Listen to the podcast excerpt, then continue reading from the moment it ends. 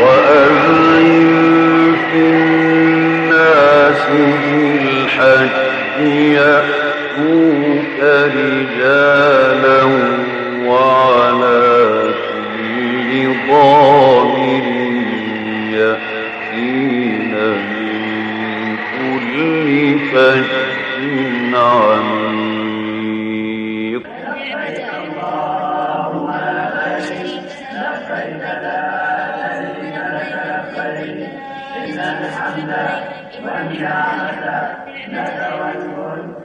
الحج أشهر معلومات فمن فرض فيهن الحج فلا رفث ولا فسوق ولا جدال في الحج. بسم الله والحمد لله والصلاة والسلام على رسول الله. أما بعد فيسر إخوانكم في تسجيلات الراية الإسلامية بالرياض أن يقدموا لكم هذه المحاضرة والتي هي بعنوان صفة الحج المبرور وضوابطه لفضيلة الشيخ عبد العزيز ابن عبد الله الراجحي والتي ألقيت بجامع الإمام ابن كثير بحي العزيزية بمدينة الرياض. الموافق للسادس عشر من شهر ذي القعدة لعام ألف وأربعمائة وثلاثة وعشرين من الهجرة النبوية. نسأله تعالى أن ينفع المسلمين بهذه المحاضرة وأن يجزي الشيخ خير الجزاء. بسم الله الرحمن الرحيم. الحمد لله رب العالمين والعاقبة للمتقين ولا عدوان إلا على الظالمين. وأصلي وأسلم على عبد الله ورسوله نبينا وإمامنا وقدوتنا محمد بن عبد الله بن عبد المطلب الهاشمي القرشي العربي المكي ثم المدني أشهد أنه رسول الله حقا وأنه بلغ الرسالة وأدى الأمانة ونصح الأمة وجاهد في الله حق جهاده حتى أتاه من ربه اليقين فهو خاتم النبيين وخاتم المرسلين عليه وعلى إخوانه من الأنبياء والمرسلين أفضل الصلاة وأتم التسليم وعلى آله وأصحابه وأتباعه بإحسان إلى يوم الدين. أما بعد فإني أحمد الله إليكم وأثني عليه الخير كله وأشكره وأسأله المزيد من فضله وأسأله سبحانه وتعالى أن يجعل اجتماعنا هذا اجتماعا مرحوما وأن يجعل تفرقنا من بعده تفرقا معصوما وأن لا يجعل فينا ولا منا شقيا ولا محروما وأسأله سبحانه وتعالى أن يجعل مجلسنا هذا مجلس خير وذكر وعلم تنزل عليه السكينة وتغشاه الرحمة وتحفه الملائكة ويذكره الله في من عنده.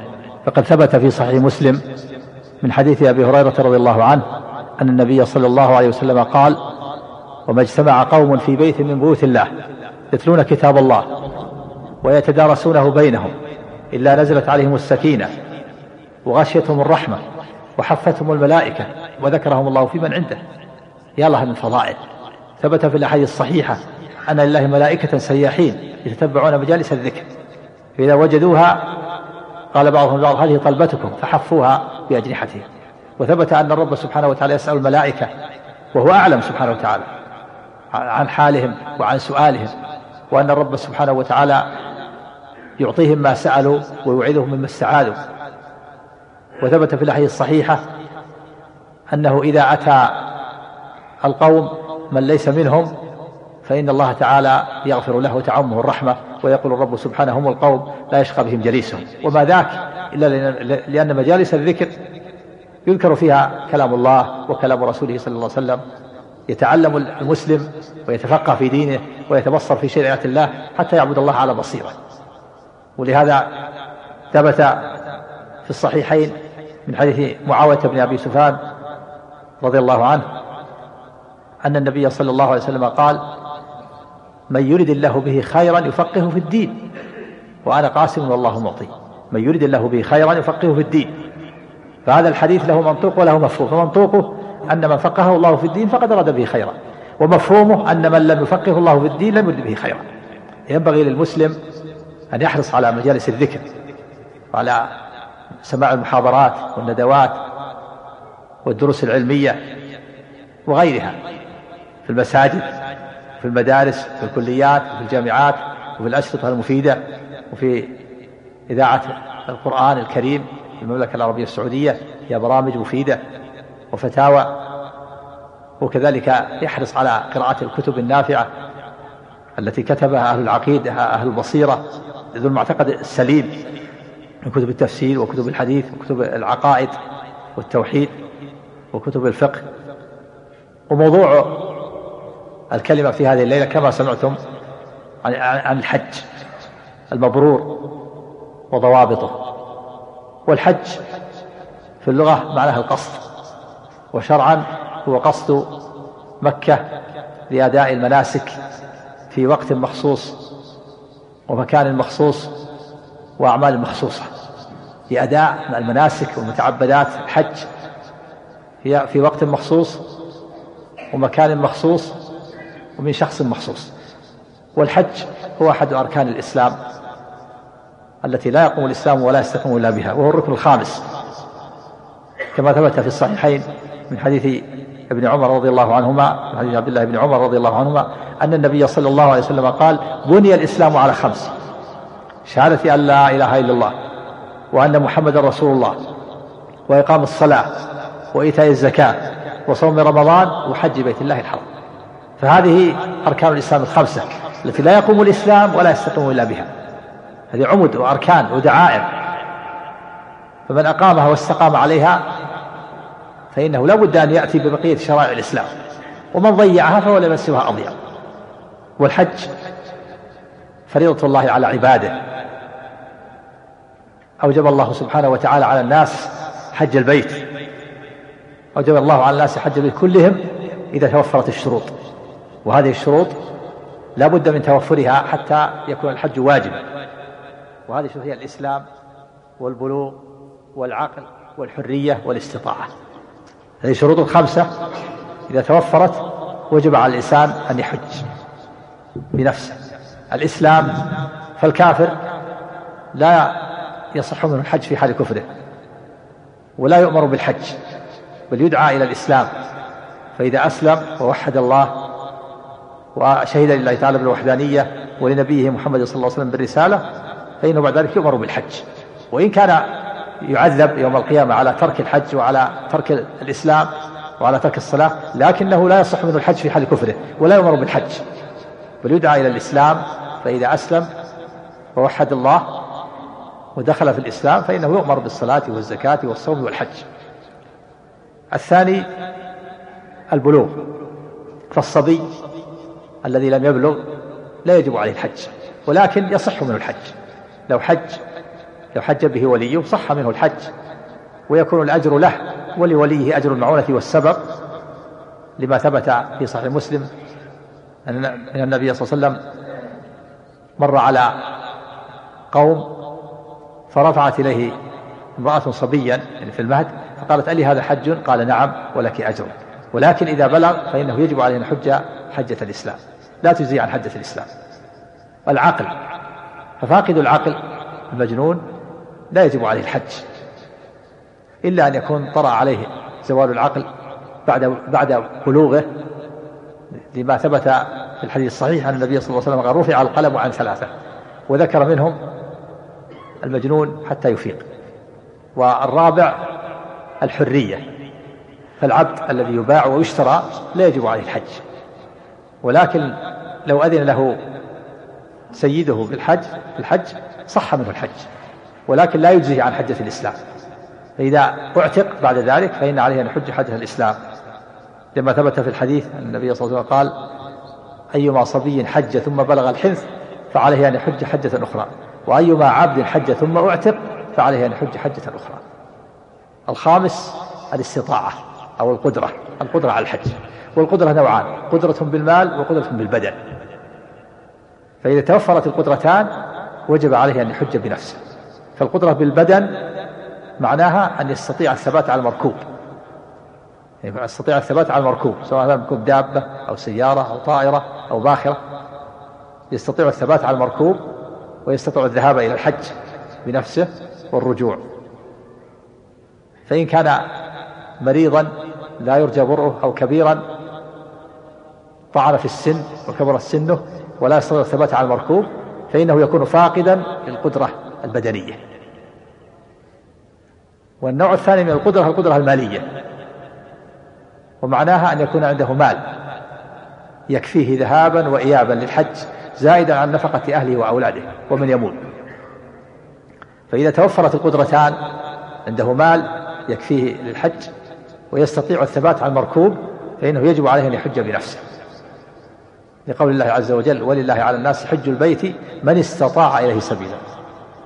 فإذا تخلفت إحدى القدرتين كان لا يستطيع الثبات على المركوب لكونه كبير السن أو مريضا لا يرجى برؤه وأيس من ذلك فإنه ينيب من يحج عنه إذا كان عنده مال. فإن لم يكن عنده مال فإن الحج لا يجب عليه. والمرأة لا بد أن يكون يشترط في وجوب الحج عليها أن يوجد محرم من محارمها يصحبها في سفرها. والمحرم هو زوجها أو من تحرم عليه على التأبيد بنسب أو سبب مباح.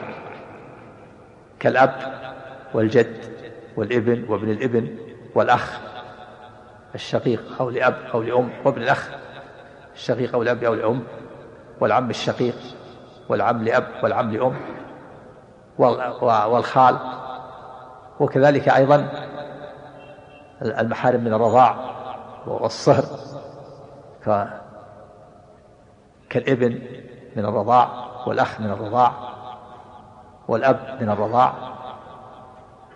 وكذلك أيضا زوج الأم وزوج البنت كل هؤلاء محارم المرأة.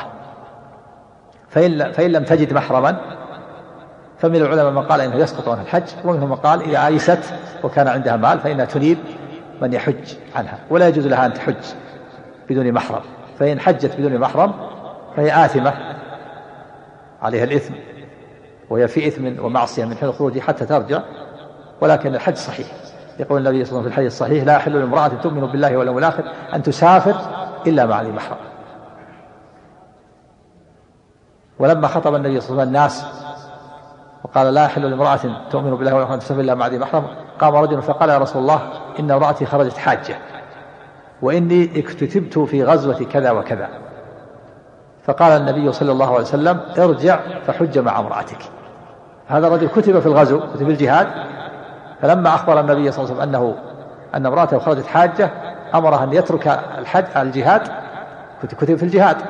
أمره أن يترك الجهاد والغزو وأن يلحق بامرأته فيصحبها في سفرها في الحج. ودل هذا على وجوب المحرم. وإذا كان الإسلام لا يجب على المرأة الحج إلا مع ذي محرم فما بال كثير من النساء تأتي من بلادها خادمات وغيرهن تأتي بدون محرم. وبعض الناس يستخدم المرأة الخادم بدون محرم فيكون يتعاون معها على الإثم والعدوان. الإسلام لا يجب على المرأة الحج إلا بمحرم وهذه الخادم تأتي بدون محرم تعمل في البيوت. ويستخدم الإنسان المرأة بدون محرم بدون محرم فيتعاون معها على الإثم والعدوان. الإسلام حفظ كرامة المرأة وصانها وهي تتمرد على تعاليم الإسلام و وتأبى إلا أن تخرج عن تعاليم الإسلام فتأتي بدون محرم. ومن عزم على الحج فعليه أن يراعي أمورا من هذه الأمور التوبة من جميع الذنوب والمعاصي. والتوبة لا تكون نصوحا حتى تستكمل شروطها وهي الإقلاع عن المعاصي أو المعصية التي يكون الإنسان متلبسا بها. وثانيا الندم على ما مضى. وثالثا العزم على عدم العودة إلى هذه المعصية والمعاصي مرة أخرى. وهي كانت مظلمة كانت بينه وبين الناس مظلمة للناس فلا بد من رد المظلمة إلى أهلها. إن كان يتعلق بالبدن فلا بد أن يسلم نفسه. حتى يصطلح مع من ظلمه أو مالا يسلم المال إليهم أو عرض يستحلهم منه. وكذلك أيضا على الإنسان أن يراعي ما عليه من الديون والودائع يكتبها ويقضي ما عليه من الودائع أو من الديون قبل أن يحج. وعليه كذلك أن ينتخب من ماله نفقة طيبة من مال الحلال خالص من الحرام والشبهة. ليحج به. لأن الله تعالى طيب لا يقول إلا طيبا كما ثبت في الحديث الصحيح في حديث مسلم أن النبي صلى الله أن النبي صلى الله عليه وسلم قال إن الله طيب لا يقول إلا طيبا وجاء في الحديث أن الرجل إذا خرج من النفقة الطيبة ووضع رجله في الغرز نادى مناد من السماء نفقتك طيبة وحجك مبرور غير مأزوم. وإذا خرج بالنفقة الخبيثة ووضع رجله في الغرز نادى مناد من السماء زادك حرام ونفقتك حرام وحجك مأزور غير مبرور. والذي يحج بالمال الخبيث الذي كسبه من الربا أو الرشوة أو جحد حقوق الناس أو تنفيق السلع بالحديث الكاذب أو الغش والخداع أو غير ذلك فهو في الحقيقة لم يحج وإنما الذي حج مركوبه. المركوب هو الذي حج. كما قيل إذا حججت بمال أصله سحت فما حججت ولكن حجت العير. إذا حججت بمال أصله سحت فما حججت ولكن حجت العير. ما يقبل الله إلا كل صالحة ما كل من حج بيت الله مبرور. ولهذا قيل الركب كثير والحاج قليل. الركب الذين يركبون ويذهبون إلى مكة في وقت الحج كثير ولكن الحاج الذي يحج كما أمر الله وكما أمر الرسول صلى الله عليه وسلم قليل. كما قيل المصلي كثير والمقيم للصلاة قليل. الذين يصلون كثير لكن الذي يقيم يقيم الصلاة ويؤديها بشروطها وخشوعها وهيئاتها كما أمر الله وكما أمر الرسول صلى الله عليه وسلم في قوله صلوا كما رأيتم يصلي قليل. فالمصلي كثير والمقيم للصلاة قليل والركب كثير والحاج قليل. ومن ذلك أن أن على الإنسان أيضا أن يراعي الرفق الرفقة الذين يسافر معهم الحج يختار رفقة طيبة من أهل الورع والتقوى والعلم تساعده على أداء نسكه. وإذا خرج المسلم وركب إلى مكة فإن فإن عليه أن أن يبدأ قبل الإحرام بالاغتسال والتنظف والتطيب والتجرد من المخيط إن كان ذكرا إن كان في عن طريق البر في السيارة فإنه إذا وصل إلى الميقات يقف ويغتسل والاغتسال سنة ويتنظف ويتطيب ثم يحرم عقب الفريضة إن كان الوقت وقت فريضة وإلا صلى ركعتين سنة الوضوء أو سنة الضحى أو تكون أو ركعتان تكون الإحرام عند جمهور العلماء ثم يحرم. وأما إذا كان مجيء عن طريق الجو فإنه يغتسل قبل ركوبه الطائرة. يغتسل ويتنظف ويتطيب ويستعد ويتهيأ. فإذا حاد الميقات تهيأ تجرد من المخيط. تجرد من المخيط إذا كان ذكرا. ويلبس إزار ورداء أبيضين نظيفين. ويخير الإنسان إذا جاء في أشهر الحج وهي شوال وذو القعدة وذو الحجة بين الأنساك الثلاثة. وهي التمتع والقران والإفراد. هذه أنساك ثلاثة يخير الإنسان بين واحد منها إذا كان مجيئه إلى في في أوقات الحج في شهر أشهر الحج وهي شوال وذو القعدة وعشر من الحجة. إما أن يتمتع أو إما أن يحرم بالتمتع أو يحرم بالحج والعمرة قارنا أو يحرم بالحج مفردا. فالتمتع صفته وأن يحرم بالعمرة. أولا ثم يفرغ منها ثم يحرم بالحج في اليوم الثامن. وأما القرآن فإنه يحرم بالحج بالحج والعمرة معا. ولا يتحلل منهما إلا يوم العيد. وأما الإفراد فإنه يحرم بالحج وحده. ولا بد من من الإحرام في الميقات. ولا يتجاوز الإنسان الميقات إلا بإحرام. والإحرام هو نية الدخول في النسك. ليس الإحرام الاغتسال ولا التنظف ولا التجرد من المخيط ولا صلاة صلاة ركعتين. هذا تهيؤ واستعداد للإحرام. الإحرام هو النية والنية محلها القلب. فإذا اغتسل المسلم وتنظف وتطيب ولبس الإزار والرداء فإنه ينوي بقلبه الدخول في النسك. فإذا نوى بقلبه الدخول في النسك فيكون قد أحرم. فإن كان يريد التمتع وهو أفضلها فإنه ينوي بقلبه الدخول في العمرة. فإذا نوى بقلبه الدخول في العمرة أحرم بالعمرة ثم يتلفظ يذكر نسكه في تلبيته. يلبي ويتلفظ بما نواه في تلبيته. يعني يذكر نسكه في تلبيته. فيقول لبيك عمرة. أو اللهم لبيك عمرة. أو أوجبت عمرة. ثم يلبي بتلبية رسول الله صلى الله عليه وسلم. فيقول لبيك اللهم لبيك. لبيك لا شريك لك لبيك. إن الحمد والنعمة لك والملك لا شريك لك. ويكرر هذه التلبية ويكثر منها ولا سيما عند تغير الأحوال بعد الفريضة أو إذا أقبل الليل أو أدبر نهار أو أو صعد مرتفعا أو هبط واديا أو قابل ملبيا أو فعل محظورا ناسيا يكرر يكثر من التلبية. فإذا وصل إلى مكة ودخل المسجد الحرام قطع التلبية. ثم يطوف بالبيت سبعة أشواط. ثم يصلي ركعتين خلف المقام ثم يسعى بين الصفا والمروة سبعة أشواط. ثم يحلق رأسه أو يقصر من جميع شعر رأسه. وإذا كان الوقت واسع فإنه يحلق أفضل وإن كان الوقت إذا كان مجيئه مبكرا فإن, فإن الأفضل أن يحلق رأسه الرجل. وإن كان الوقت مجيئه متأخرا فالأفضل أن يقصر من شعر من جميع شعر رأسه ثم يترك بقية شعر رأسه ليحلقه في الحج. فإذا طاف وسعى وقصر أو حلق تحلل ويعود حلالا كما كان ويلبس ثيابه ويبقى في مكة حتى يأتي اليوم الثامن. فإذا أتى اليوم الثامن يوم الحج اليوم الثامن وهو يوم التروية يوم الثامن من الحجة فإنه يغتسل.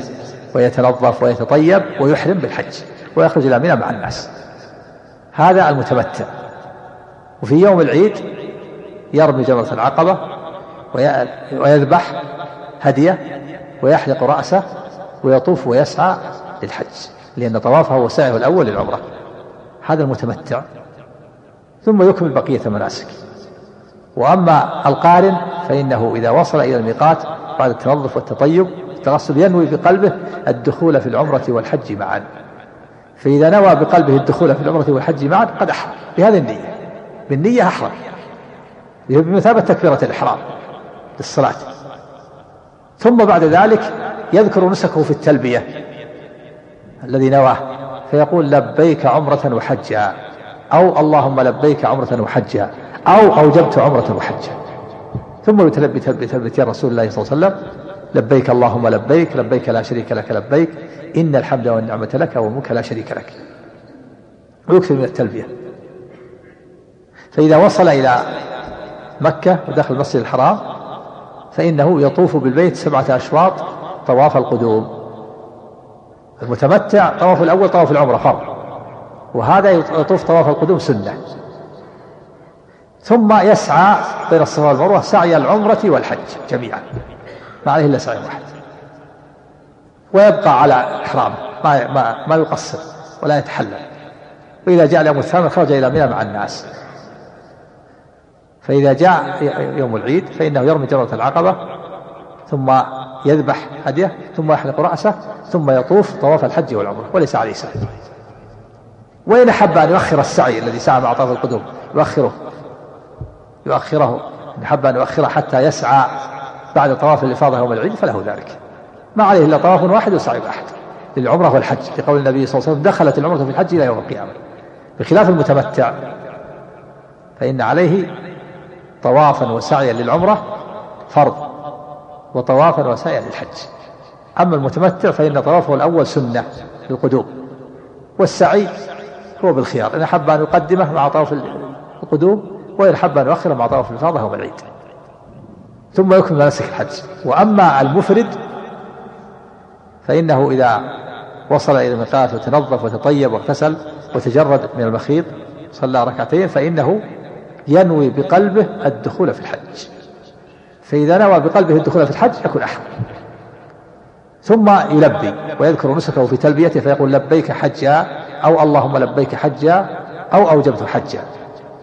ثم يلبي بتلبية رسول الله صلى الله عليه وسلم فيقول لبيك اللهم لبيك لبيك لا شريك لك لبيك إن الحمد والنعمة لك والملك لا شريك لك. فإذا وصل إلى مكة ودخل المسجد الحرام فإنه يطوف بالبيت سبعة أشواط طواف القدوم مثل قارن سنة ليس بواجب.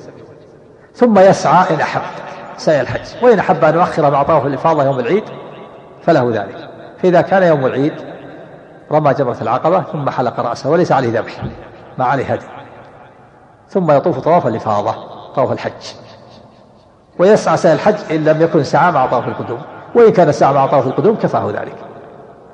المتمتع والقارن كل منهما عليه هدي يذبحه يوم العيد والمفرد ليس عليه هدي. وذلك أن كل من المتمتع والقارن أتى بنسكين في سفرة واحدة فوجب عليه أن يشكر الله بذبح دم. حيث حصل على نسكين في سفرة واحدة. أما المفرد فإنه لم يحصل إلا على نسك واحد وهو الحج. فليس عليه هدي يذبحه وأفضل الأنساك الثلاثة التمتع في أصح أقوال أهل العلم ثم القران ثم الإفراد. والحج له واجبات. له واجبات وله أركان. فله أركان الأركان لا تسقط لا سهوا ولا عمدا. ولا نسيانا لا بد من الاتيان بها. لا بد من الاتيان بها. أركان أربعة. الركن الأول الإحرام. الإحرام وهو نية الدخول في النسك. هذا لا بد منه. فمن لم يحرم بالحج والعمرة ما انعقد حجه. كما لو لم يكبر في الصلاة تكبيرة الإحرام ما انعقد الصلاة. متى يدخل في الصلاة؟ إذا كبر تكبيرة الإحرام. متى يدخل في الحج؟ إذا أحرم في الحج. فالإحرام ركن من أركان الحج. لا يصح الحج إلا به. فمن لم يحرم ومن لم ينوي الحج ما يصير حج. ما يصح حجه. كذلك من لم يكبر للصلاة تكبيرة الإحرام ما صح صلاته ولا انعقدت فالإحرام فالركن الأول الإحرام. لا يسقط لا سهوا ولا عمدا ولا جهلا. من لم يأتي بالإحرام لا يصح حجه. الركن الثاني الوقوف بعرفة. الوقوف بعرفة في اليوم التاسع. من ذي الحجة. ويبدأ الوقوف عند جمهور العلماء من زوال الشمس من الظهر يوم التاسع ويستمر إلى طلوع الفجر ليلة العيد. فإذا مضى هذا الوقت ولم يقف الإنسان بعرفة فاته الحج.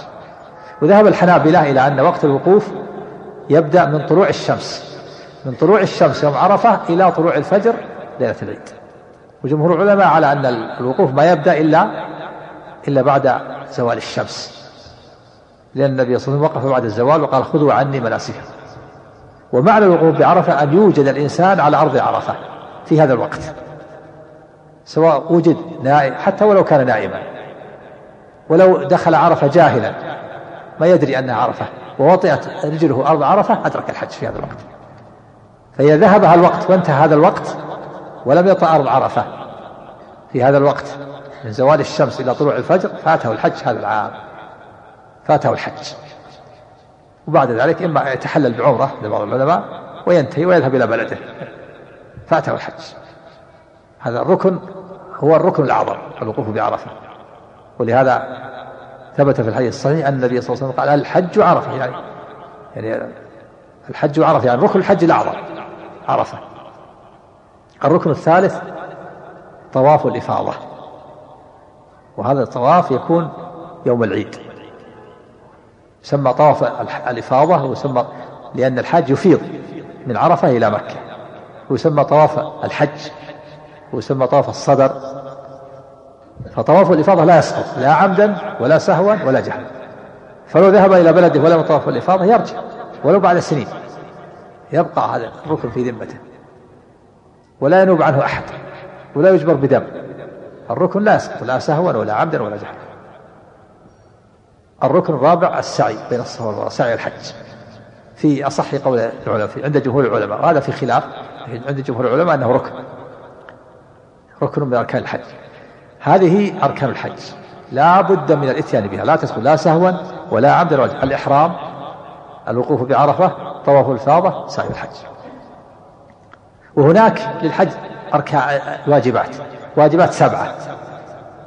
هذه الواجبات إذا ترك واحدا منها لا بد أن يجبره بدم تجبر بدم ويصح الحج. يعني يذبح شاة في مكة ويجبرها بدم سبعة. أولها أن يكون الإحرام من الميقات. الإحرام ركن من أركان الحج. لكن كونه يكون من الميقات هذا واجب من واجبات الحج. والمواقيت التي وقتها رسول الله صلى الله عليه وسلم خمسة. أول ذو الحليفة وهو ميقات أهل المدينة ويسمى اليوم أبيار علي. والثاني الجحفة وهو ميقات أهل الشام ومصر والمغرب.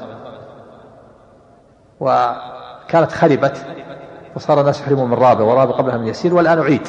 أعيد الميقات في الجحفة الآن. أعيد أعادت الدولة السعودية وبني بني مسجد كبير فيه حمامات ومغاسل في الجحفة في نفس الجحفة. الركن الميقات الثالث ميقات أهل اليمن. وهو يلملم ويسمى السعدية.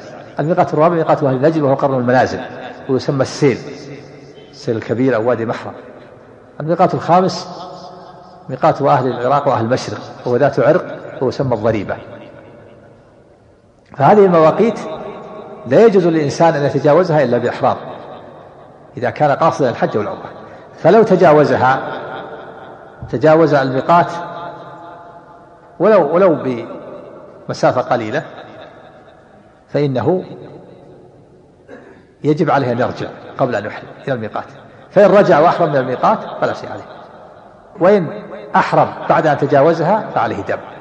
شاة يذبحها في مكة وحجه صحيح. الإحرام الذي هو نية الدخول بالنسك هذا ركن. لكن كون الإحرام من الميقات هذا واجب. كونه من نفس الميقات هذا واجب. فإذا تجاوزه وأحرم وجب عليه دم شاة يذبحها. هذا واحد. الثاني عدم الانصراف من مزدلفة قبل غروب الشمس. فإذا وقف بعرفة يوم التاسع ثم انصرف من عرفة قبل غروب الشمس. فإن رجع قبل غروب الشمس أو في الليل فليس على شيء. وإن انصرف قبل غروب الشمس ولم يرجع فقد ترك واجبا من واجبات الحج. عليه شاة يذبحها. الثالث المبيت بمزدلفة ليلة العيد.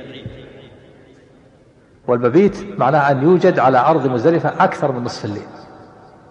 أكثر من نصف الليل يتجاوز نصف الليل. فإن خرج من مزدلفة قبل نصف الليل فعليه أن يرجع في آخر الليل. فإن لم يرجع فعليه دم شاة يذبحها.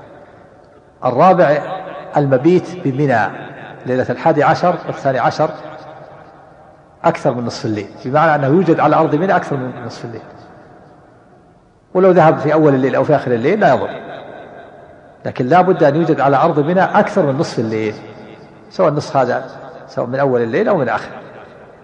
فإن لم يبت بها فإن عليه دم شاة يذبحها. الخامس رمي الجمار. فإذا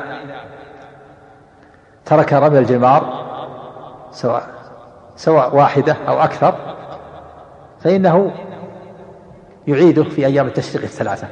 فإن مضت أيام التشريق الثلاثة ولم يرمي فإنه يكون ترك واجبا من واجبات الحج. فعليه أن يذبح شاة يذبحها في مكة. السادس الحلق أو التقصير يجب على الحاج أن يحلق رأسه أو يقصر من جميع الجهات. فإذا لم يحلق أو يقصر فإنه يكون ترك واجبا من واجبات الحج فعليه شاة يذبحها. السابع طواف الوداع. عليه أن على الحاج أن يطوف سبعة أشواط بالبيت عند السفر عند مغادرته مكة. إذا نوى السفر عليه أن يطوف للوداع سبعة أشواط. فإن سافر ولم يطوف للوداع فإنه يكون ترك واجبا من واجبات الحج. فعليه شاة يذبحها في مكة. هذه سبعة. سبع واجبات. إذا ترك واحدا منها عليه دم والأركان الأربعة لا لا سهوا ولا عمدا ولا تجبر بدم. لا بد من يأتي بها. أما الواجبات فإنها تجبر بدم. وما عدا ذلك فهي سنة. سنة قولية أو سنة فعلية. مثل المبيت بمنى ليلة التاسع. هذه سنة. هذه سنة من سنن الحج. ومثل الدعاء والأذكار. في الطواف وفي السعي وعلى الصفا وعلى المروة وكذلك الدعاء في مزدلفة أو في عرفة. كل هذه مستحبات. هذه سنن. سنن الأقوال وسنن الأفعال. وهناك محظورات للإحرام. محظورات للإحرام. محظورات بمعنى ممنوعات. إذا دخل الإنسان في في في الحج أو في العمرة وأحرم ونوى الدخول في الحج أو في العمرة أحرم بالحج وأحرم بالعمرة فإن عليه أن يجتنب محظورات الإحرام وهي تسعة أشياء. تسعة أشياء تسمى عند أهل العلم محظورات الإحرام. عرفت بالاستقراء والتتبع من النصوص. تسعة أشياء يجتنبها المحرم الذكر. أولها لبس المخيط. فلا يلبس شيئا مخيط على سواء كان على جسده أو على عضو من أعضائه. لا يلبس ثياب قميص ولا يلبس الفنيلة ولا السروال ولا شراب اليدين أو الرجلين بالنسبة للرجل. وأما المرأة فلا تمتنع من لبس قفازين شراب اليدين. وأما الرجلان فلا بأس. ثانيا تغطية الرأس الرجل فلا يغطي رأسه. وثالثا أخذ شيء من الشعر لا يأخذ شيء من شعر رأسه ولا غيره. ورابعا تقليم الأظفار لا يقلم المحرم شيئا من أظفاره وخامسا الطيب فلا يتطيب. ومن الطيب الزعفران فلا يشرب القهوة التي فيها زعفران. وسادسا قتل الصيد فالمحرم لا يصيد. و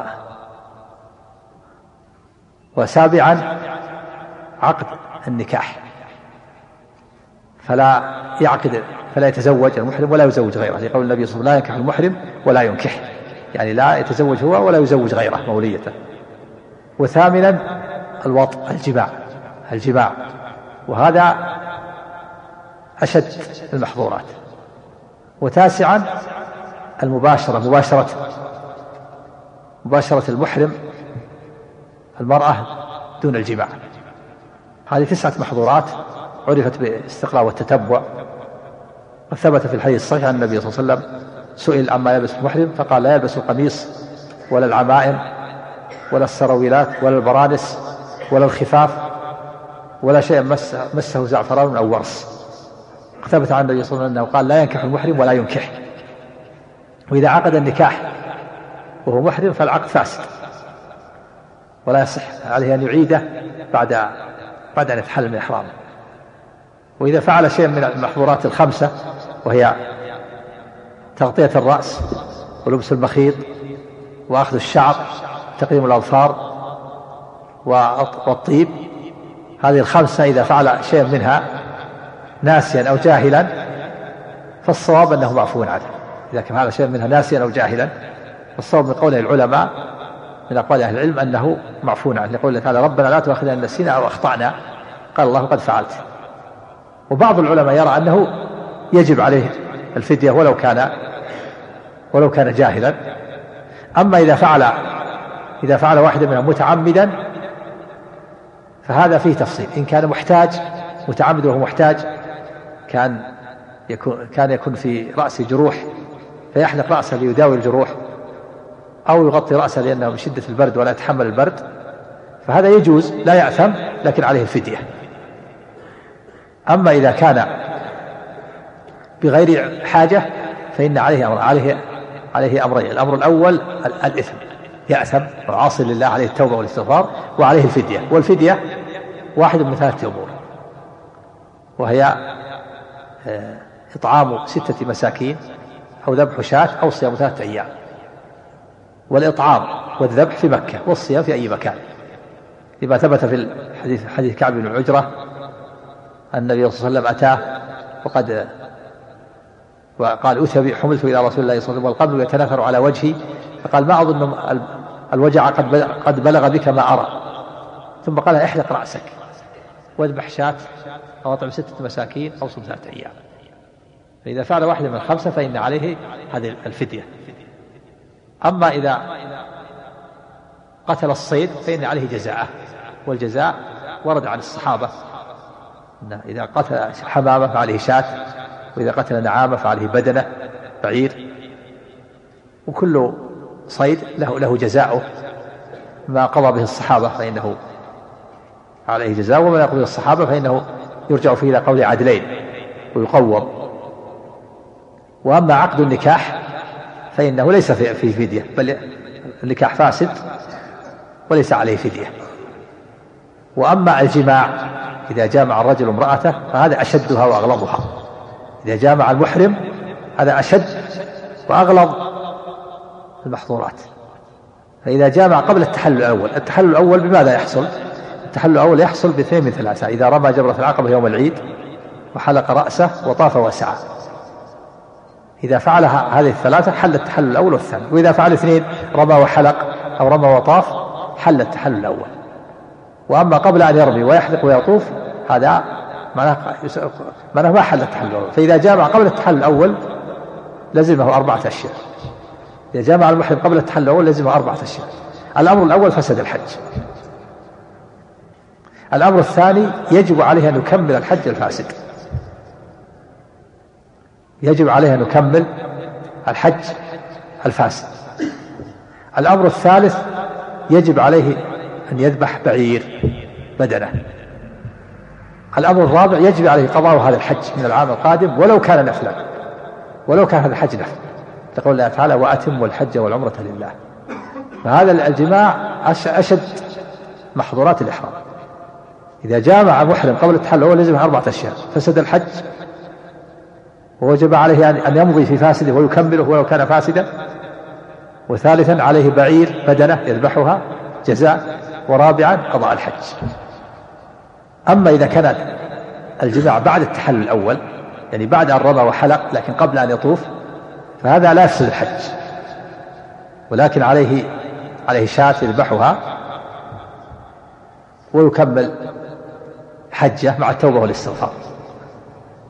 وأما الجماع والمباشرة دون الفرج. فهذه فيها تفصيل إذا جاء باشر المحرم زوجته. فمن العلماء من قال إن قبل التحلل عليه بدنة والصواب أن عليه شاة عليه شاة. سواء أنزل أو لم ينزل وبعض العلماء فصل في هذا قال إن أنزل فعليه شاة وإن لم ينزل فعليه شيء. مع التوبة والاستغفار. ولا يجوز الإنسان أن يفعل محظور. متعمدا يفعل ولا سيما يفعل هذا المحظور متعمدا. و ولا سيما لا يجوز الإنسان أن يتسبب فيه فساد حجه. محرم الجماع والمباشرة من أغلب المحرمات. أما تغطية الرأس وحلق الرأس يحتاج المحرم إلى ذلك فهذا كما سبق أنه لا إثم عليه ولكن عليه الفدية. والمرأة مثل الرجل إلا في ما تختص به. فالمرأة من المرأة تحرم فيما شاءت من الثياب.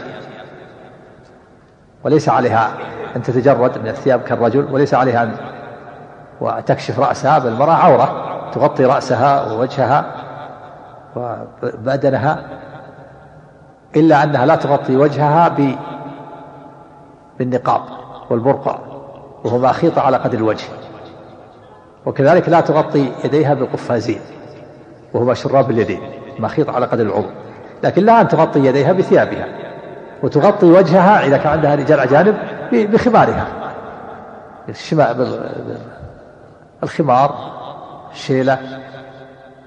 أما المخيط على قدر الوجه وهو البرقع والنقاب هذا هو الممنوع في الإحرام. وكذلك المخيط على قدر اليد لقول النبي صلى الله عليه وسلم لا تنتقب المرأة ولا تلبس القفازين. فلا تلبس النقاب ولا البرقع وهو مخيط على لكن تغطي وجهها بخمار عند الرجال الأجانب بخمارها بثوبها بخمارها الغطاء المعروف لكن لا يكون مخيط على قدر الوجه كما أنها تغطي يديها بثيابها ولا تغطيها بالقفازين وهما شراب اليدين وكذلك أيضا وتمتنع المرأة من الطيب كالرجل وكذلك أيضا هي ممنوعة من زوجها وممنوعة أيضا من قتل الصيد والمرأة إذا أحرمت بالعمرة يصح إحرامها ولو كان عليها العادة الشهرية. لها أن تحرم بالحج أو بالعمرة العادة الشهرية إلا أنها لا لا تدخل لا تدخل المسجد الحرام ولا تطوف حتى تطهر. فإذا طهرت اغتسلت وطافت فإذا جاءت مثلا قبل الحج وعليها العادة تحرم ولو كان عليها العادة. تحرم بالعمرة وتبقى تجلس خارج خارج المسجد الحرام ما تدخل المسجد الحرام. وإن أحرمت وهي طاهرة ثم حاضت قبل أن تصل إلى المسجد الحرام كذلك. تبقى في بيتها ولا تدخل المسجد الحرام. فإن طهرت قبل اليوم الثامن من الحجة اغتسلت وطافت وسعت وقصرت وتحلت. وإن جاء اليوم الثامن من ذي الحجة وهي على حالها ما طهرت فإنها تلبي بالحج وتدخل الحج على العمرة وتكون قارنة. كما فعلت عائشة رضي الله عنها. إن عائشة رضي الله عنها أحرمت بالعمرة ثم لما قربت مكة حاضت. فدخل عليه النبي صلى الله عليه وسلم وهي تبكي. بسرف فقال مالك يعني فستي قالت نعم قال هذا شيء كتبه الله على بنات آدم والحيض ثم نفاس. ثم قال لها النبي صلى الله عليه وسلم ارفضي. ثم قال لها ارفضي عمرتك يعني اتركي أعمالها واغتسطي واغتسلي ولبي بالحج. فتركت أعمال العمرة ولبت بالحج وخرجت مع الناس وصارت قارنه ثم بعد ذلك بعد الحج لم تطب نفسها لأن عمرتها الأولى كانت ادخلت عليها الحج وطلبت من النبي صلى الله عليه وسلم أن يأذن لها في العمرة فامر اخا عبد الرحمن أن يعمرها من التنعيم فاعتمرت عمره ثانية بعد الحج. فمن كانت حاله مثل حال عائشة فله أن يعتمر بعد الحج. وأما النبي صلى الله عليه وسلم والصحابة فإنهم لم يعتمروا بعد الحج. اكتفوا بعمرتهم السابقة السابقة قبل الحج. وصفة الحج باختصار هو أنه إذا جاء اليوم الثامن من الحجة يتوجه جميع الحجاج إلى منى. المفرد والقارن على إحرامهما يتوجهان إلى منى. والمتمتع الذي أحل من عمرته يغتسل ويتنظف ويتطيب ثم يلبي بالحج. وكذلك أهل مكة يحرموا بالحج في اليوم الثامن. ويتوجهون جميعا إلى منى في اليوم الثامن. ويصلون فيها والسنة لهم آه، أن يحرموا قبل الظهر أو بعد الظهر قبل الزوال أو بعده والأفضل قبل الزوال. فيصلوا في في منى أربع صلوات الظهر والعصر خمس صلوات الظهر والعصر والمغرب والعشاء والفجر كل صلاة في وقتها جمع قصر بدون جمع. أهل مكة وغيرهم يصلون الظهر ركعتين في وقتها والعصر في وقتها ركعتين والمغرب في وقت ثلاث ركعات المغرب والفجر لا تقصران والعشاء في وقتها العشاء في وقتها ركعتان. والفجر في وقتها ركعتان. لأنهم مقيمون لا حاجة إلى الجمع. المسافر إذا كان مقيم ما يحتاج إلى الجمع إنما يحتاج الجمع إذا كان جاد في السير. فإذا طلعت الشمس من يوم عرفة وهو يوم تسمية الحجة توجه الحجاج إلى إلى عرفة ملبين يلبون ويكثرون من التلبية. ثم يذكر العلماء أنه يشرع النزول بنمرة اقتداء بالنبي صلى الله عليه وسلم وهي مكان غربي عرفة. إلى الزوال إن تيسر ولكن الغالب أنه لا يتيسر. فإذا لم يتيسر دخلوا عرفة. فإذا زالت الشمس فإنه فإن الحاج يصلي الظهر والعصر جمعا وقصرا بأذان وإقامتين. والإمام أو نائبه يخطب الناس خطبة تناسب الحال. وبعد الخطبة يخطب الإمام نائبه خطبة خطبة عرفة اقتداء بالنبي صلى الله عليه وسلم. فإن النبي صلى الله عليه وسلم خطب الناس بعرنة. خطبة عظيمة على راحلته قرر فيها قواعد التوحيد وهدم فيها الشرك وبين حقوق النساء على الرجال وحقوق الرجال على النساء وأبطل فيها دماء الجاهلية وربا الجاهلية قال ربا الجاهلية كله موضوع تحت قدمي وأول ربا أضعف ربانا ربا العباس بن عبد المطلب ودماء الجاهلية موضوع تحت قدمي خطبة عظيمة. وكان كانت حجة النبي صلى الله عليه وسلم يوم عرفة يوم الجمعة. خطب الناس على نزل عليه الصلاة والسلام لما دفع من من منى بعد زوال الشمس نزل بنمرة. نمرة مكان غربي عرفة. ثم لما زالت الشمس ركب راحلته وخطب الناس بعرنة وهو بطن الوادي الآن الذي أمام آه، مسجد المسجد على المسجد نمرة.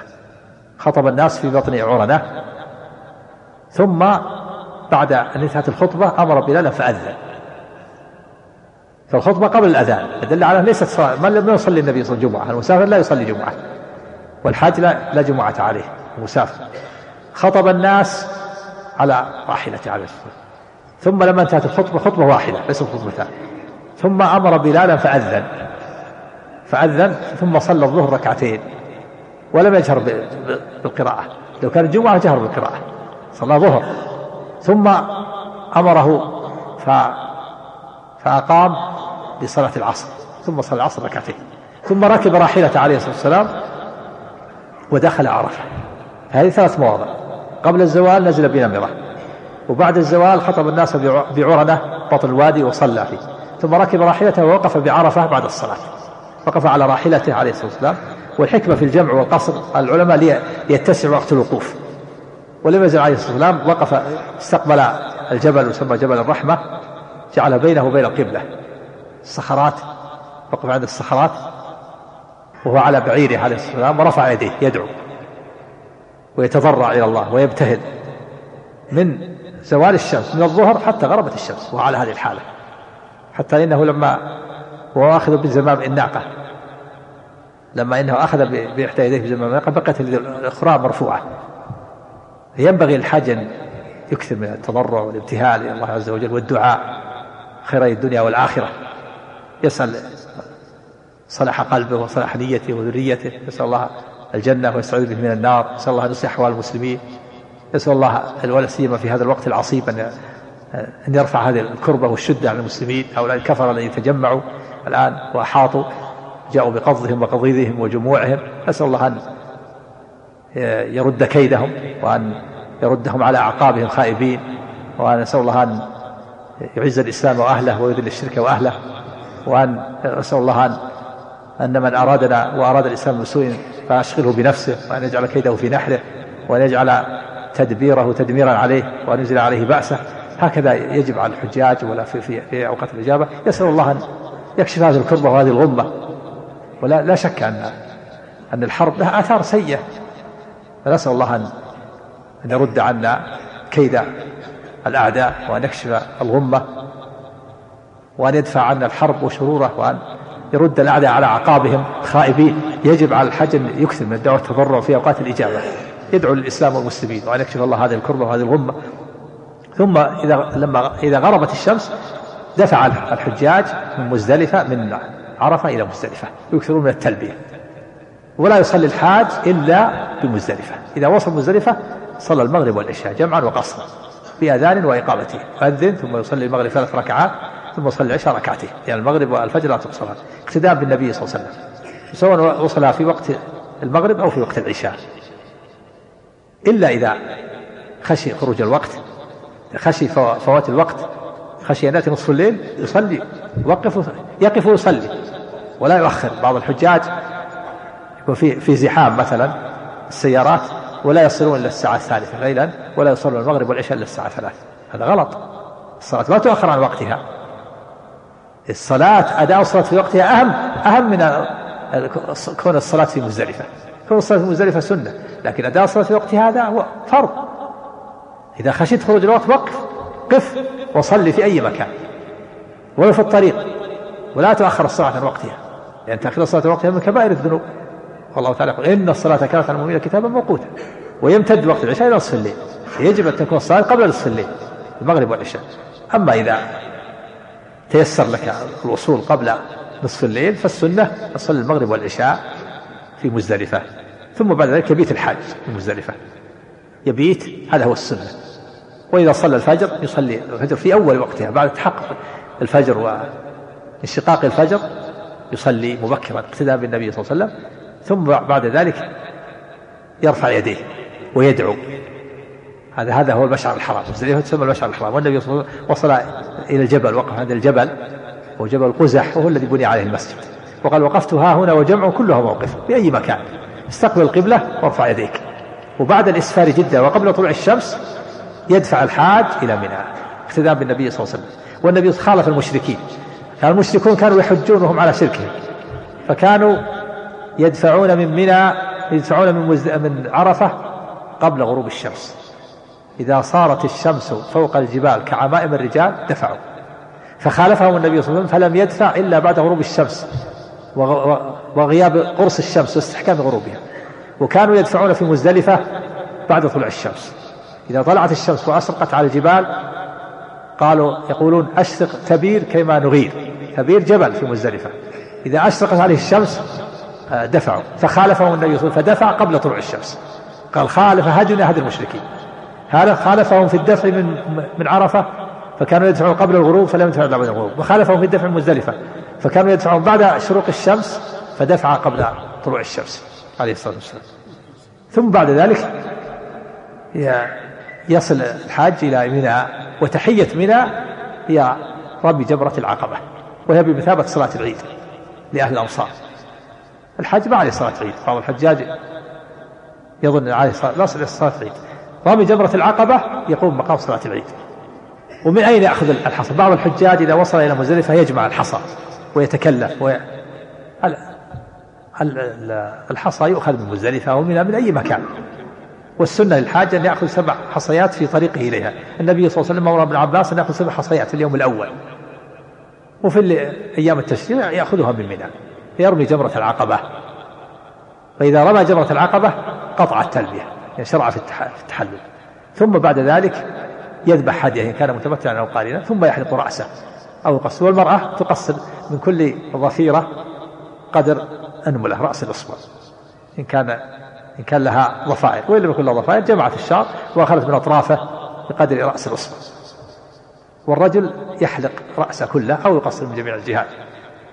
بعد الذبح ثم يطوف. هذا الأفضل أن يرتب وظائف العيد هكذا. رمي جمرة العقبة ثم الذبح نحر ثم الحلق ثم الطواف. وإن قدم بعضها على بعض فلا حرج على الصحيح. بعض العلماء كالأحناف يقول إذا قدم بعضها على بعض عليه دم والصواب أنه ليس عليه شيء لكن الأفضل أن يرتبها هكذا. يرمي ثم يذبح ثم يحلق ثم يطوف. قد تدعو الحاجة إلى إلى الحق قبل قبل الذبح. فلا حرج لكن إذا تيسر المسلم أن يرتبها فهذا هو السنة وهذا هو الأفضل. ثم إذا إذا رمى وذبح وحلق يطوف بالبيت طواف الإفاضة. وهو طواف الحج سبعة أشواط ثم يسعى سعي الحج. إذا كان متمتع أو قارن. إذا كان متمتع. يسعى فإن كان قارن أو مفرد فليس عليه إلا سعي واحد. إن كان سعى مع طواف القدوم ليس عليه سعي. وإن لم يكن سعى مع طواف القدوم سعى. ثم يبيت الحاج بمنى ليلتين إن تعجل وثلاث ليال إن تأخر. ليلة الحادي عشر وليلة الثاني عشر وليلة الثالث عشر. وفي كل يوم من أيام التشريق الثلاثة يرمي الجمار الثلاث بعد الزوال بعد الظهر. يرمي الجمرة الأولى وهي التي تأتي المسجد الخيف وهي أقرب الجمرات إلى منى بسبع حصيات متعاقبات. الله أكبر الله أكبر الله أكبر. واحدة بعد واحدة. يرميها رمي ما يضعها وضع ثم إن تيسر له يتأخر عنها تقدم عنها ويجعلها عن يساره ويرفع يديه يدعو. والنبي صلى الله عليه وسلم دعا دعاء طويلا بمقدار قراءة سورة البقرة. ولكن ضعف لا الإنسان يدعو بما تيسر ولو وقت قليل حسب ما يتيسر له. ثم يرمي يذهب ويرمي الجمرة الوسطى بسبع حصيات. ثم يتقدم عنها ويجعلها عن يمينه. ويرفع يديه يدعو والنبي دعا دعاء بمقدار قراءة سورة البقرة. أيضا ثم بعد ذلك يرمي جمرة العقبة التي رماها يوم العيد هي الأخيرة. تكون هي الأخيرة ولا يقف عندها. اختلف العلماء لماذا لم يدعو ولم يدعو بعدها. لماذا لم يدعو النبي صلى الله عليه وسلم بعد رمي جمرة العقبة ودعا بعد الجمرة الأولى فقال بعضهم لأن المكان ضيق لأن في ذلك الوقت كان الجبل كان كانت بجوار الجبل ما يستطيع البعير يمر. وقيل وهذا هو الأولى لأن لأنه في لأن العبادة انتهت. فلما رمى جمرة العقبة ورمى جمرة الوسطى في وسط العبادة كأنه في الصلاة. فلذلك دعا. فلما رمى جمرة العقبة انتهت العبادة فكأنه سلم من الصلاة فلذلك انصرف. وفي اليوم الثاني عشر كذلك. ثم في اليوم الثاني عشر إذا رمى الجمار ينصرف إذا حب أن يتعجل خرج من منى قبل غروب الشمس. وطاف طاف الوداع وذهب إلى بلده. راجع. فإن غربت عليه الشمس ولم يخرج وجب عليه المبيت. والرمي من اليوم الثالث عشر بعد الزوال. وإن أحب أن يتأخر ويرمي في الجمار الثلاث اليوم الثالث عشر بعد الزوال فهو أفضل. وإذا أراد الخروج من مكة فإنه يطوف للوداع سبعة أشواط. والنبي صلى الله عليه وسلم لم يتعجل وبات ثلاث ليال في منى ثم بات ليلة الرابع عشر في في المحصب في الأبطح وبات و ثم لما كان في آخر الليل نزل عليه الصلاة إلى مكة وطاف طواف الوداع ثم أدركته صلاة الفجر فصلى بالناس وقرأ سورة الطور ثم صرف قافلا إلى المدينة راجع المدينة عليه الصلاة والسلام. وهذه هي صفة الحج باختصار ولا بد للحج الحاج أن يترك الرفث والفسوق والعصيان وثبت في الحديث الصحيح أن النبي صلى الله عليه وسلم قال من حج فلم يرفث ولم يفسق رجع من ذنوبه كيوم ولدته أمه. وقال عليه الصلاة والسلام العمرة في العمرة كفارة لما بينهما والحج المبرور ليس له جزاء إلا الجنة. الحج المبرور هو الذي ليس فيه إثم ولا معصية. لا يفعل الإنسان كبيرة. والفسق والفسق الفسق هو الخروج عن طاعة الله بالمعاصي. والفاسق هو الذي يرتكب الكبيرة أو يداوم على الصغيرة. والكبيرة أصح ما قيل في تعريفها كل ذنب ختم بنار أو لعنة أو غضب. في الآخرة أو وجب فيه حد في الدنيا. كل ذنب وجب فيه حد في الدنيا أو توعد عليه بالنار أو اللعنة أو الغضب. فمثلا السرقة فيها حد قطع اليد كبيرة. الزنا فيه الجلد أو الرجم كبيرة. أكل مال اليتيم توعد عليه بالنار. إن الذين يأكلون أموال اليتامى ظلما إنما يأكلون في بطونهم نارا. كذلك أكل الربا من الكبائر. عقوق الوالدين من الكبائر. قطيعة الرحم من الكبائر الغيبة من الكبائر النميمة من الكبائر أكل الرشوة من الكبائر. فالحاج الذي يحج ويتوب من المعاصي ولا ولا يرفث والرفث هو الجماع والكلام في النساء. ولا يفعل كبائر يتوب من الكبائر لا يكون في في حجه يكون تائب من الكبائر والمعاصي. ما يكون مصر على معصية هذا هو الحج المبرور. ويكون عمله خالصا لله قصد وجه الله والدار الآخرة وأدى مناسك الحج. كما أمر الله وكما أمر رسوله صلى الله عليه وسلم بقوله خذوا عني مناسككم. هذا هو هذا هو الحج المبرور. الحج المبرور هو المسلم الذي يحج بيت الله وهو مؤمن بالله وبرسوله ولا يفعل الشرك لا يكون في عمله شرك لا يدعو غير الله ولا يذبح لغير الله ولا لغير الله. بعض الحجاج يحج وهو مشرك فلا يصح منه الحج. بعض الحجاج يحجون وهم يدعون غير الله. يا يا فلان يا يا ولي يا رسول الله غثني. يا بدوي يا ابن علوان يا فلان يا سيدي يا حسين يا يا عيدر يا عيدروس يا زينب يا بدوي. هذا هذا الشرك. كيف هذا لا ينفع مع الشرك عمل. قال الله تعالى ولو أشركوا لحبط عنهم ما كانوا يعملون. قال سبحانه لا ان أشركت لا يحبطن عمله أو يذبح صاحب القبر أو يصلي له ركعتين أو يطوف بقبر التقرب إليه. هذا شرك. المشرك هذا لا يصح منه اي عمل لابد أن يكون الحاج مؤمن بالله ورسوله ولا يفعل الشرك. فإن كان يفعل الشرك فإنه تنتقض كلمة التوحيد. لو كان الحج يقول لا إله إلا الله أشهد أن لا إله إلا الله وأشهد أن محمدا رسول الله ثم يذبح أو يدعو غير الله بطل بطلت كلمة التوحيد بطل توحيده وإيمانه. مثل الإنسان الذي يتوضأ ويحسن الوضوء ويتطهر ويحسن الطهارة ثم يخرج منه بول أو غائط أو رائحة أو غائط أو ريح. هل تبقى الطهارة ولا تزول؟ تزول. كذلك إذا قال لا إله إلا الله ثم قال يا رسول الله غثني بطلت لا إله إلا الله أبطلها بالشرك نعوذ بالله. أو يقول يا ولي يا بدوي يا حسين يا كذا أو يذبح له أو ينذر له أو يطلب بقبر تقرب إليه هذا شرك ينقض التوحيد. فلا بد أن يكون الحاج مؤمنا بالله ورسوله ولا بد أن يخلص عمله لله يكون قصد وجه الله والدار الآخرة. ولا بد أن يؤدي المناسك كما أمر الله وكما أمر رسوله. ولا بد أن يجتنب الكبائر التي سمعتها حتى لا يكون فاسق حتى لا يفسق. ويجتنب الكلام في النساء وإتيان النساء.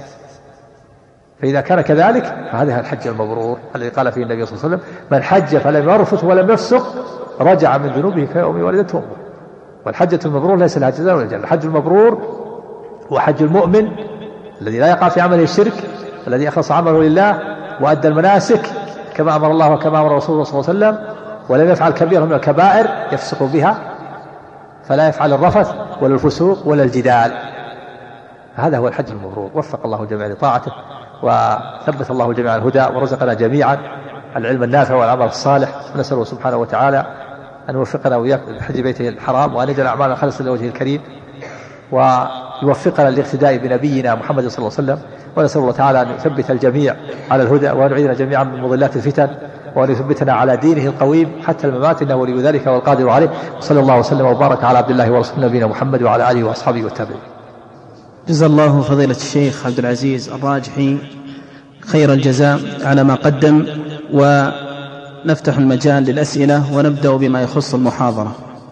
يقول السائل ذهبت وعائلتي لأداء العمرة فعندما صعدنا على الصفا ضاع أحد أبنائي في المسعى. وبقينا فترة طويلة للبحث عنه داخل المسعى ولم نعلم كم عدد الأشواط التي سعيناها فما رأي فضيلتكم في ذلك؟ تبنون على على اليقين. تبنون على, على اليقين. إذا كان عندكم شك هذه الأشواط ثلاثة أو أربعة أو خمسة تجعلها ثلاثة. تأتي بالرابع والخامس. تعمل باليقين. وإذا إلا إذا كان غلب الظن فتعمل بغلبة الظن. المقصود أنه تكمل الحج على حسب ال... على حسب غلبة الظن. فإن كنت كنت إذا كنت متيقن أنك أديت شوطين لكن شككت. هل أديت بعد الشوطين ثالث ورابع أو ما أديت؟ تجعلها شوطين وتكمل. وإذا طال الفصل ومضى مدة فهذا في خلاف هل هل يجب تتابع الأشواط أو يعيدها من جديد؟ فإذا مضى عليهم مدة أو يوم أو يومين فإنك تعيد الأشواط تعيد الأشواط من جديد تسعى من جديد. نعم. يقول السائل هل الركعتين التي تؤدى بعد لبس الإحرام سنة أم لا؟ فيها خلاف بين العلماء. جمهور العلماء على أنها سنة وأن الإحرام له سنة. واستدلوا بقول النبي صلى الله عليه وسلم ما جاء في الحديث النبي صلى الله عليه وسلم النبي صلى الله عليه وسلم ما كان في الحليفة. قال أتاني آت من ربي. فقال صل في هذا الوادي المبارك وقل عمرة في حجة. قالوا فقولوا صل في هذا المبارك دليل على أن الإحرام له سنة. وذهب بعض المحققين كشيخ الإسلام ابن تيمية وغيره إلى أنها إلى أن الإحرام ليس له سنة. وقولوا صل في هذا الوادي المبارك قالوا قالوا هذه صلاة الفريضة والإحرام ليس له صلاة يخصه لكن إذا كان الوقت وقت غير وقت نهي يصلي صلاة إذا كان في الضحى صلاة الضحى أو صلاة الليل أو يتوضأ ويصلي إذا توضأ يصلي سنة الوضوء ثم يحرم بعدها. وإن كان الوقت وقت فريضة يكون الإحرام بعد الفريضة. نعم. رجل أحدث أثناء الطواف وانتقض وضوءه فأكمل الطواف فهل يصح طوافه؟ الصواب الذي عليه الفتوى على جمهور العلماء أنه يجب تجب الطهارة للطواف. وإذا أحدث في أثناء الطواف بطل طوافه. فإن عليه أن يخرج ويتوضأ ويبتدئ الطواف من جديد كما لو أحدث في الصلاة. وعلى هذا فيكون هذا الشخص الذي يتم طوافه طوافه غير صحيح. طوافه باطل عليه أن يعيد الطواف. نعم الذي عليه دين ويسدد هذا الدين شهريا فهل له حج؟ نعم إذا كان يستطيع سدادها شهريا ولا يؤثر الحج على تسديد ما عليه فله الحج. يحج. نعم. أو سمح له صاحب الدين فلا بأس. إذا كان الدين حال. أما إذا كان الدين مو بحال ومقسط ويستطيع الوفاء في وقتها فلا, فلا حرج. يحج والحمد لله. يقول السائل والدي مصاب بجلطة وهو ضعيف الجسم. فهل يجوز أن ينيب عنه من يحج؟ نعم إذا كان لا يستطيع إذا كان لا يستطيع الثبات على المركوب وهو مستمر مرضه وهو لم يؤدي الفريضة نعم يحج. ثبت في الحديث الصحيح أن امرأة من خثعم جاءت إلى النبي صلى الله عليه وسلم فقالت في حجة الوداع فقالت يا رسول الله إن فريضة الله على عباده أدركت أبي شيخا كبيرا لا يثبت على الراحلة أفأحج عنه؟ قال حجي عن أبيك. إذا كان ما يستطيع الحج ثبت على الركوب يكون كبير السن أو لكونه مريض مستمر المرض معه قرر الأطباء بأنه مستمر فلا بأس أن يحج عنه حج فريضة الإسلام. نعم. يقول السائل سافرت على الطائرة وأنا أريد العمرة وقد اغتسلت وتنظفت ولبست الإحرام في بيتي ثم ذهبت للمطار وركبت الطائرة وأنا مستعد للعمرة ولكن لم أقل عند محاذاة الميقات لبيك عمرة لانشغالي. النية الإحرام هو النية نية الدخول في النسك. إن كنت قد نويت الدخول في النسك عند محاذاة الميقات فأنت دخلت في العمرة. أما إذا انشغلت ولم تنوي معناه تجاوزت الميقات بدون إحرام. فعلى هذا يكون عليك دام شاة تذبحها عند أهل العلم. إذا كنت أحرمت بعد ما تجاوزت الميقات تذبح شاة في مكة وحجك صحيح. نعم. وعمرتك عمرتك صحيحة. نعم العمرة صحيحة شيخ. نعم. العمرة صحيحة العمرة صحيحة نعم. لكن عليه تجاوز الميقات بدون الإحرام عليه ترك واجب من واجبات العمرة حيث أنه تجاوز الميقات بدون الإحرام فعليه عند أهل العلم شاة يذبحها في مكة جبرا لهذا الواجب الذي تركه. والعمرة صحيحة. نعم. يقول السائل ما حكم من يحج من مال غيره؟ كمن يحج على نفقة الجمعيات الخيرية أو فاعل الخير؟ لا بأس. حجه صحيح. لكن ينبغي لا ينبغي الإنسان أن يتطلع أو يسأل يسأل الناس يقول أعطوني أحج أو يتطلع لكن إذا حججه إنسان أو تبرع له من دون من دون طلب منه فلا حرج يحج والحمد لله حجه صحيح. لكن ينبغي الإنسان يتعفف ولا يطلب ولا يشحذ يسأل الناس يجمع مال حتى يحج لا. أو يطلب من الناس أن يحججوه لا. الله تعالى يقول ولله على الناس حج من استطاع إلى الحمد لله. الله تعالى أسقط عنك الحج. ما دمت غير مستطيع. لكن إذا حجج إنسان بدون طلب وبدون مسألة سؤال فلا حج الحمد لله. حج صحيح. يقول السائل حج مجموعة من الناس في العام الماضي وفي اليوم الثاني عشر وفي الساعة الثانية عشر ليلا ذهبوا إلى الحرم وطافوا طواف الوداع. فهل عليهم شيء لأنهم لم ينتظروا إلى اليوم الثالث عشر ويرموا؟ وهم في منى؟ نعم تعجلوا إيه، تعجلوا من منى في اليوم الثاني عشر. الثاني عشر ليلا. ليلا. نعم. هؤلاء تركوا المبيت. هؤلاء تركوا المبيت تركوا رمي الجمار. لأن الإنسان الحج إذا أراد أن يتعجل فعليه أن يخرج من منى قبل غروب الشمس. فإذا غربت الشمس في الثالث عشر وجب عليه وجب عليه المبيت. وهؤلاء تعجلوا في اليوم الثاني عشر ليلة هكذا ليلة الثالث عشر. هؤلاء تركوا واجب من واجبات الحج على كل واحد منهم عند أهل المشاة يذبحها لأنهم تركوا الرمي. والمبيت ليلة في خلاف بعض العلماء عن تركوا المبيت بالليلة. إذا كان خروجهم منها بعد نصف الليل فليس عليهم شيء. وإن قبل نصف الليل فعليهم أن يتصدقوا بشيء عن, عن ترك المبيت في أصح قول العلماء. ثم يبقى أيضا كذلك طواف الوداع في غير محله.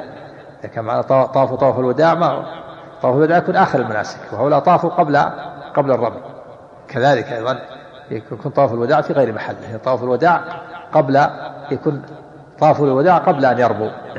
نعم. يقول السائل لو أن فاعل خير جهز حاجا. فعلى هذا يكون طواف الوداع أيضا كذلك يجبر بدم يكون دم طواف الوداع ودم شاة يعني عن طواف الوداع وشاة عن رمي الجمار وصدقة عن الليلة إذا كان خرجوا قبل نصف الليل. نعم.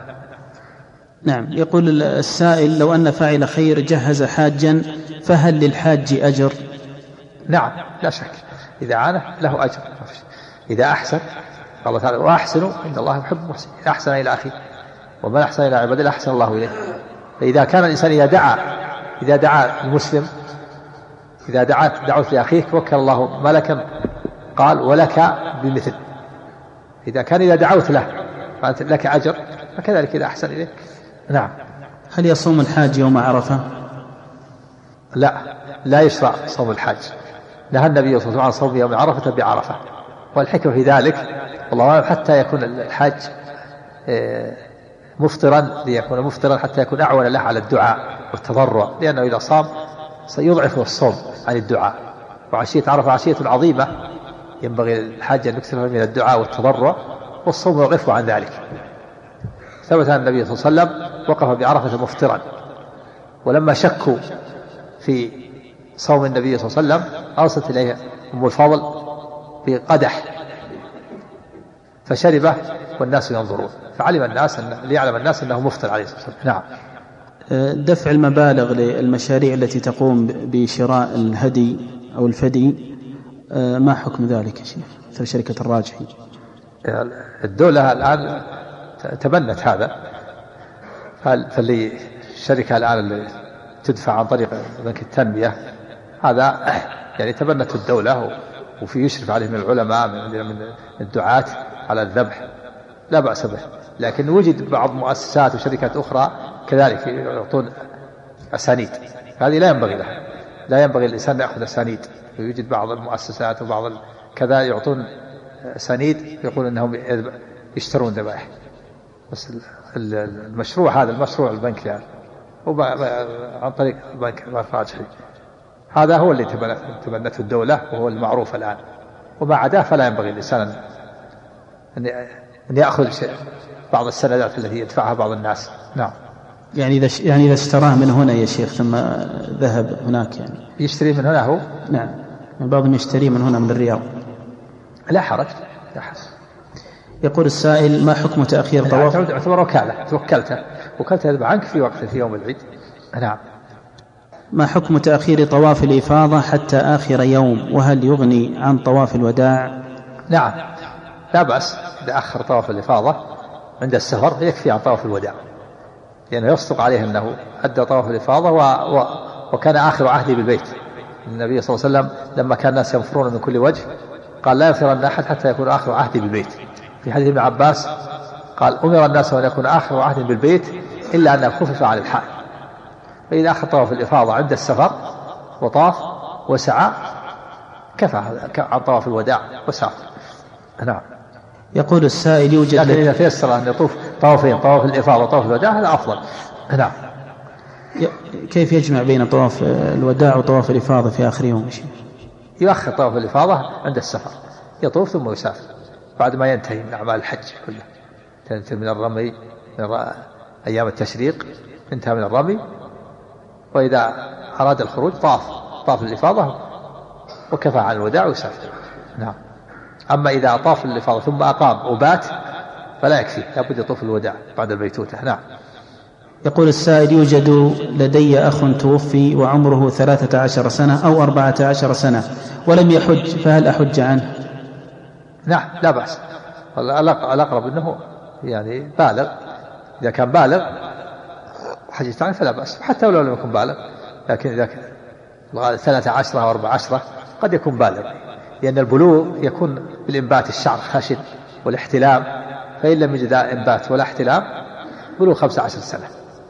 والمرأة بنت قد تحيض إذا حاضت تعتبر بالغ ولو بنت من تسع سنين. وهذا من ثلاث عشر يحتمل أنه بالغ أنه بلغ بالإنبات أو بالاحتلام ويحتمل أنه ما بلغ لأنه ما بلغ خمسة عشر سنة. نعم. نستأذن الشيخ في أسئلة خارج نطاق المحاضرة لأهميتها. يقول السائل آه، عندي سبعة أولاد وبنتان كلهم كبار والكبير من أولادي انتقل إلى رحمة الله تعالى قبل حوالي شهرين وقد أعطيته مبلغا في السنوات الماضية يصل إلى مئتين ألف ريال.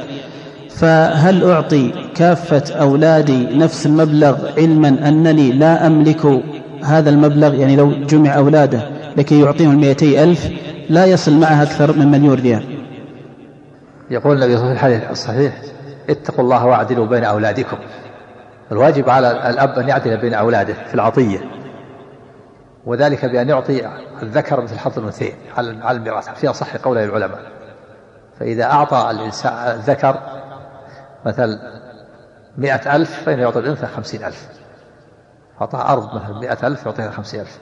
فإذا أعطى بعضهم فإن عليه ولا, ولا يستطيع بين أحد أمرين إما أن يعطي البقية وإما أن يسترد.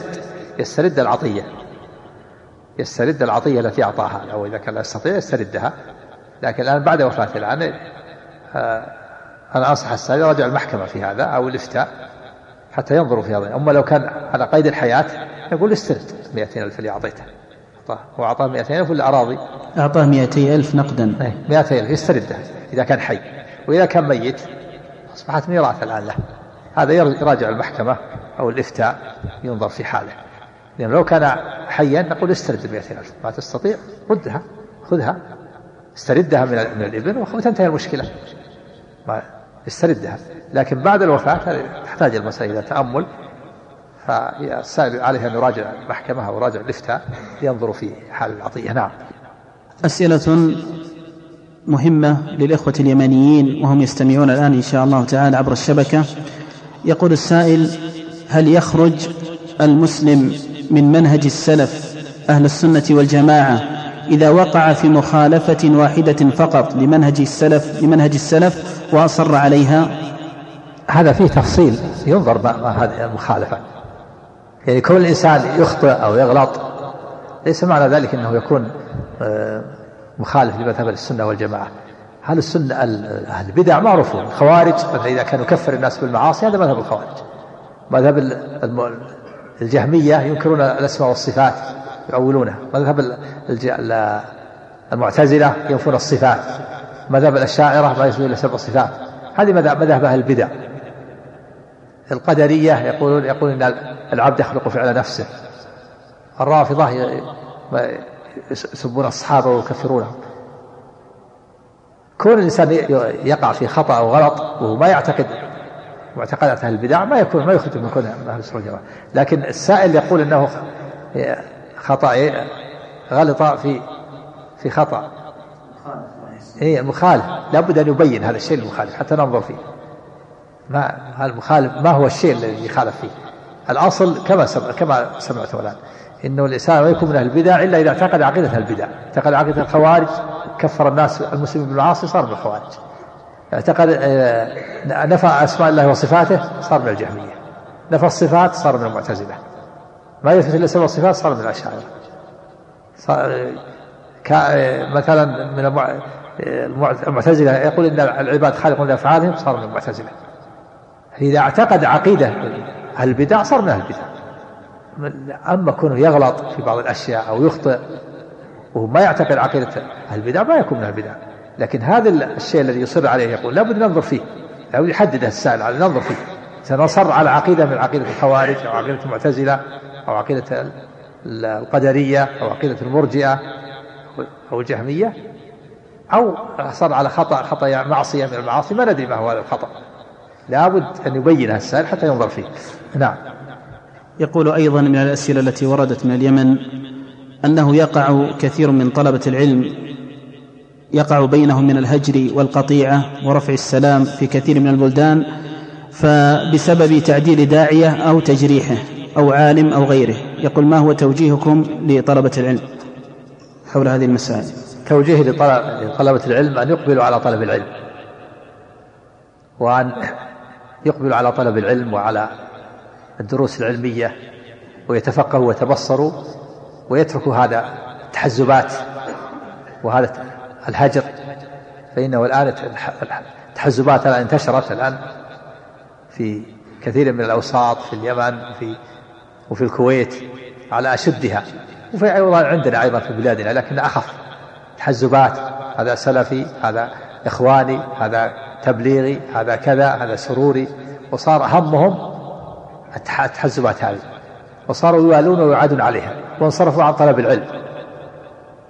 وهذا لا شك أن أن هناك بعض الأعداء الذين دخلوا لما رأوا هذه الصحوة الإسلامية وإقبالهم على على العلم دخلت بعض الأيدي ففرقتهم.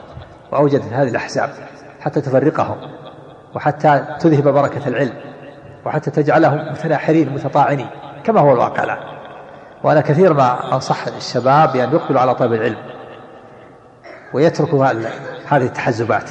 إذا قيل كذا يقول أنا على عقيدة أهل السنة والجماعة. أنا من أهل السنة والجماعة. أعمل بكتاب الله وسنة رسوله. قال أنت سروري ولا إخواني ولا أنا أعمل بكتاب الله بسنة رسوله. ما بلغني من كتاب السنة أعمل به. ويترك التحزبات هذه. ولا ينبغي الإنسان يشغل نفسه. يقبل على طلب العلم وعلى الدروس العلمية. فهذه التحزبات وهذه أوجدت أوجدت الفرقة وحرمتهم من العلم وأوجدت الضغينة والشحنة والعداوة وهذا الذي يريده الأعداء. فنصيحتي لي الإخوان سواء كانوا في, اليمن أو في الكويت أو في السعودية أو في أي مكان طلبة العلم أن يقبلوا على طلب العلم وأن يكونوا إخوة متحابين وأن يتآلفوا وأن يبحث منهم كل منهم عن الحق. وإذا قال اختلفوا بشيء لا يتكلم يقول ارجع إلى أهل العلم الكبار. نرجع إلى أهل العلم. مشكلة عليه لا ما أقول في فلان كذا ولا كذا. نرجع إلى أهل العلم ونسأل عما أشكال عليهم ونطلب العلم ولا علينا من تحزبات ولا كلام فلان ولا علان. هذا هو الذي أنصح به الطلبة. نعم. يقول السائل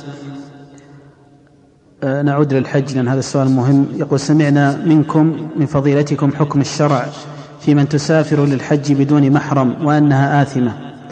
يقول إذا كانت الشغالة مثلا أتت إلى هذه البلاد وتريد الحج ثم ذهب بها مع جماعة إندونيسيين يقول وهي تتوسل إليه أن تحج لأنها قد لا يتيسر لها الحج مرة أخرى. كما سمعت الآن الرسول عليه الصلاة والسلام قال لا يحل امرأة تؤمن بالله واليوم أن تسافر إلا ذي محرم. هذا كلام الرسول عليه الصلاة والسلام. فكيف تسافر وهي تسمع كلام الرسول؟ قال لا يحل لامرأة تؤمن بالله واليوم الآخر تسافر إلا ذي محرم.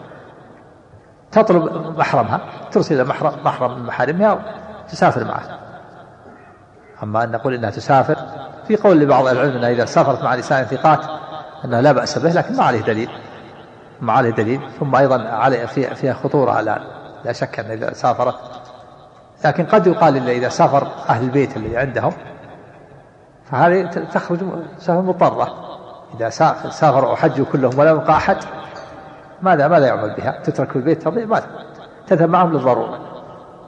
أما أن يكون جالس في البيت ويرسلها مع ناس فهذا هذا مخالف لسنة النبي صلى الله عليه وسلم. نعم. السؤال الأخير يقول السائل آه، انتشرت هذه الأيام نغمات موسيقية في أجهزة الجوال وحتى أنها أصبحت تصم الآذان. يقول السائل ما حكم تركيب الأجهزة التي تقطع الإرسال في المساجد وهل من كلمة توجيهية لأصحاب الجوالات؟ نعم ننصح إخوان أصحاب الجوالات بأن يتقوا الله عز وجل وأن لا يركبوا هذه النغمات الموسيقية. وكيف يليق بمسلم أن يركب النغمات الموسيقية؟ والنغمات الموسيقية من الغناء المحرم والغناء و والله تعالى يقول في كتابه ومن الناس من يشتري له الحديث ليضل عن سبيل الله بغير علم. ويتخذها هزوا أولئك لهم عذاب مهين.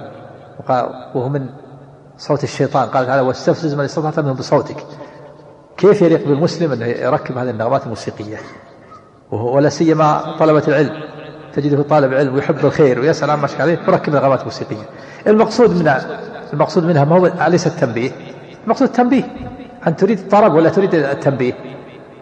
كنت تريد التنبيه اجعل الصوت عادي أما تركب نغمة موسيقية ما تريد الطرب ما تريد التنبيه. ولا سيما إذا كان في المسجد يكون هذا أعظم وأعظم عاد. نغمات موسيقية وفي المسجد وفي الصلاة في الفريضة أعظم وأعظم. تشغل عباد الله ونغمات موسيقية في بيت الله وفي وقت الصلاة. ظلمات بعضها فوق بعض نغمة موسيقية محرمة. وفي المسجد في بيت الله أعظم. وفي الصلاة تشغل الناس عن وتلتفت قلوبهم عن الله بسبب هذه النغمات وتؤذيهم. في هذه النغمات المحرمة. كيف يليق المسلم هذا؟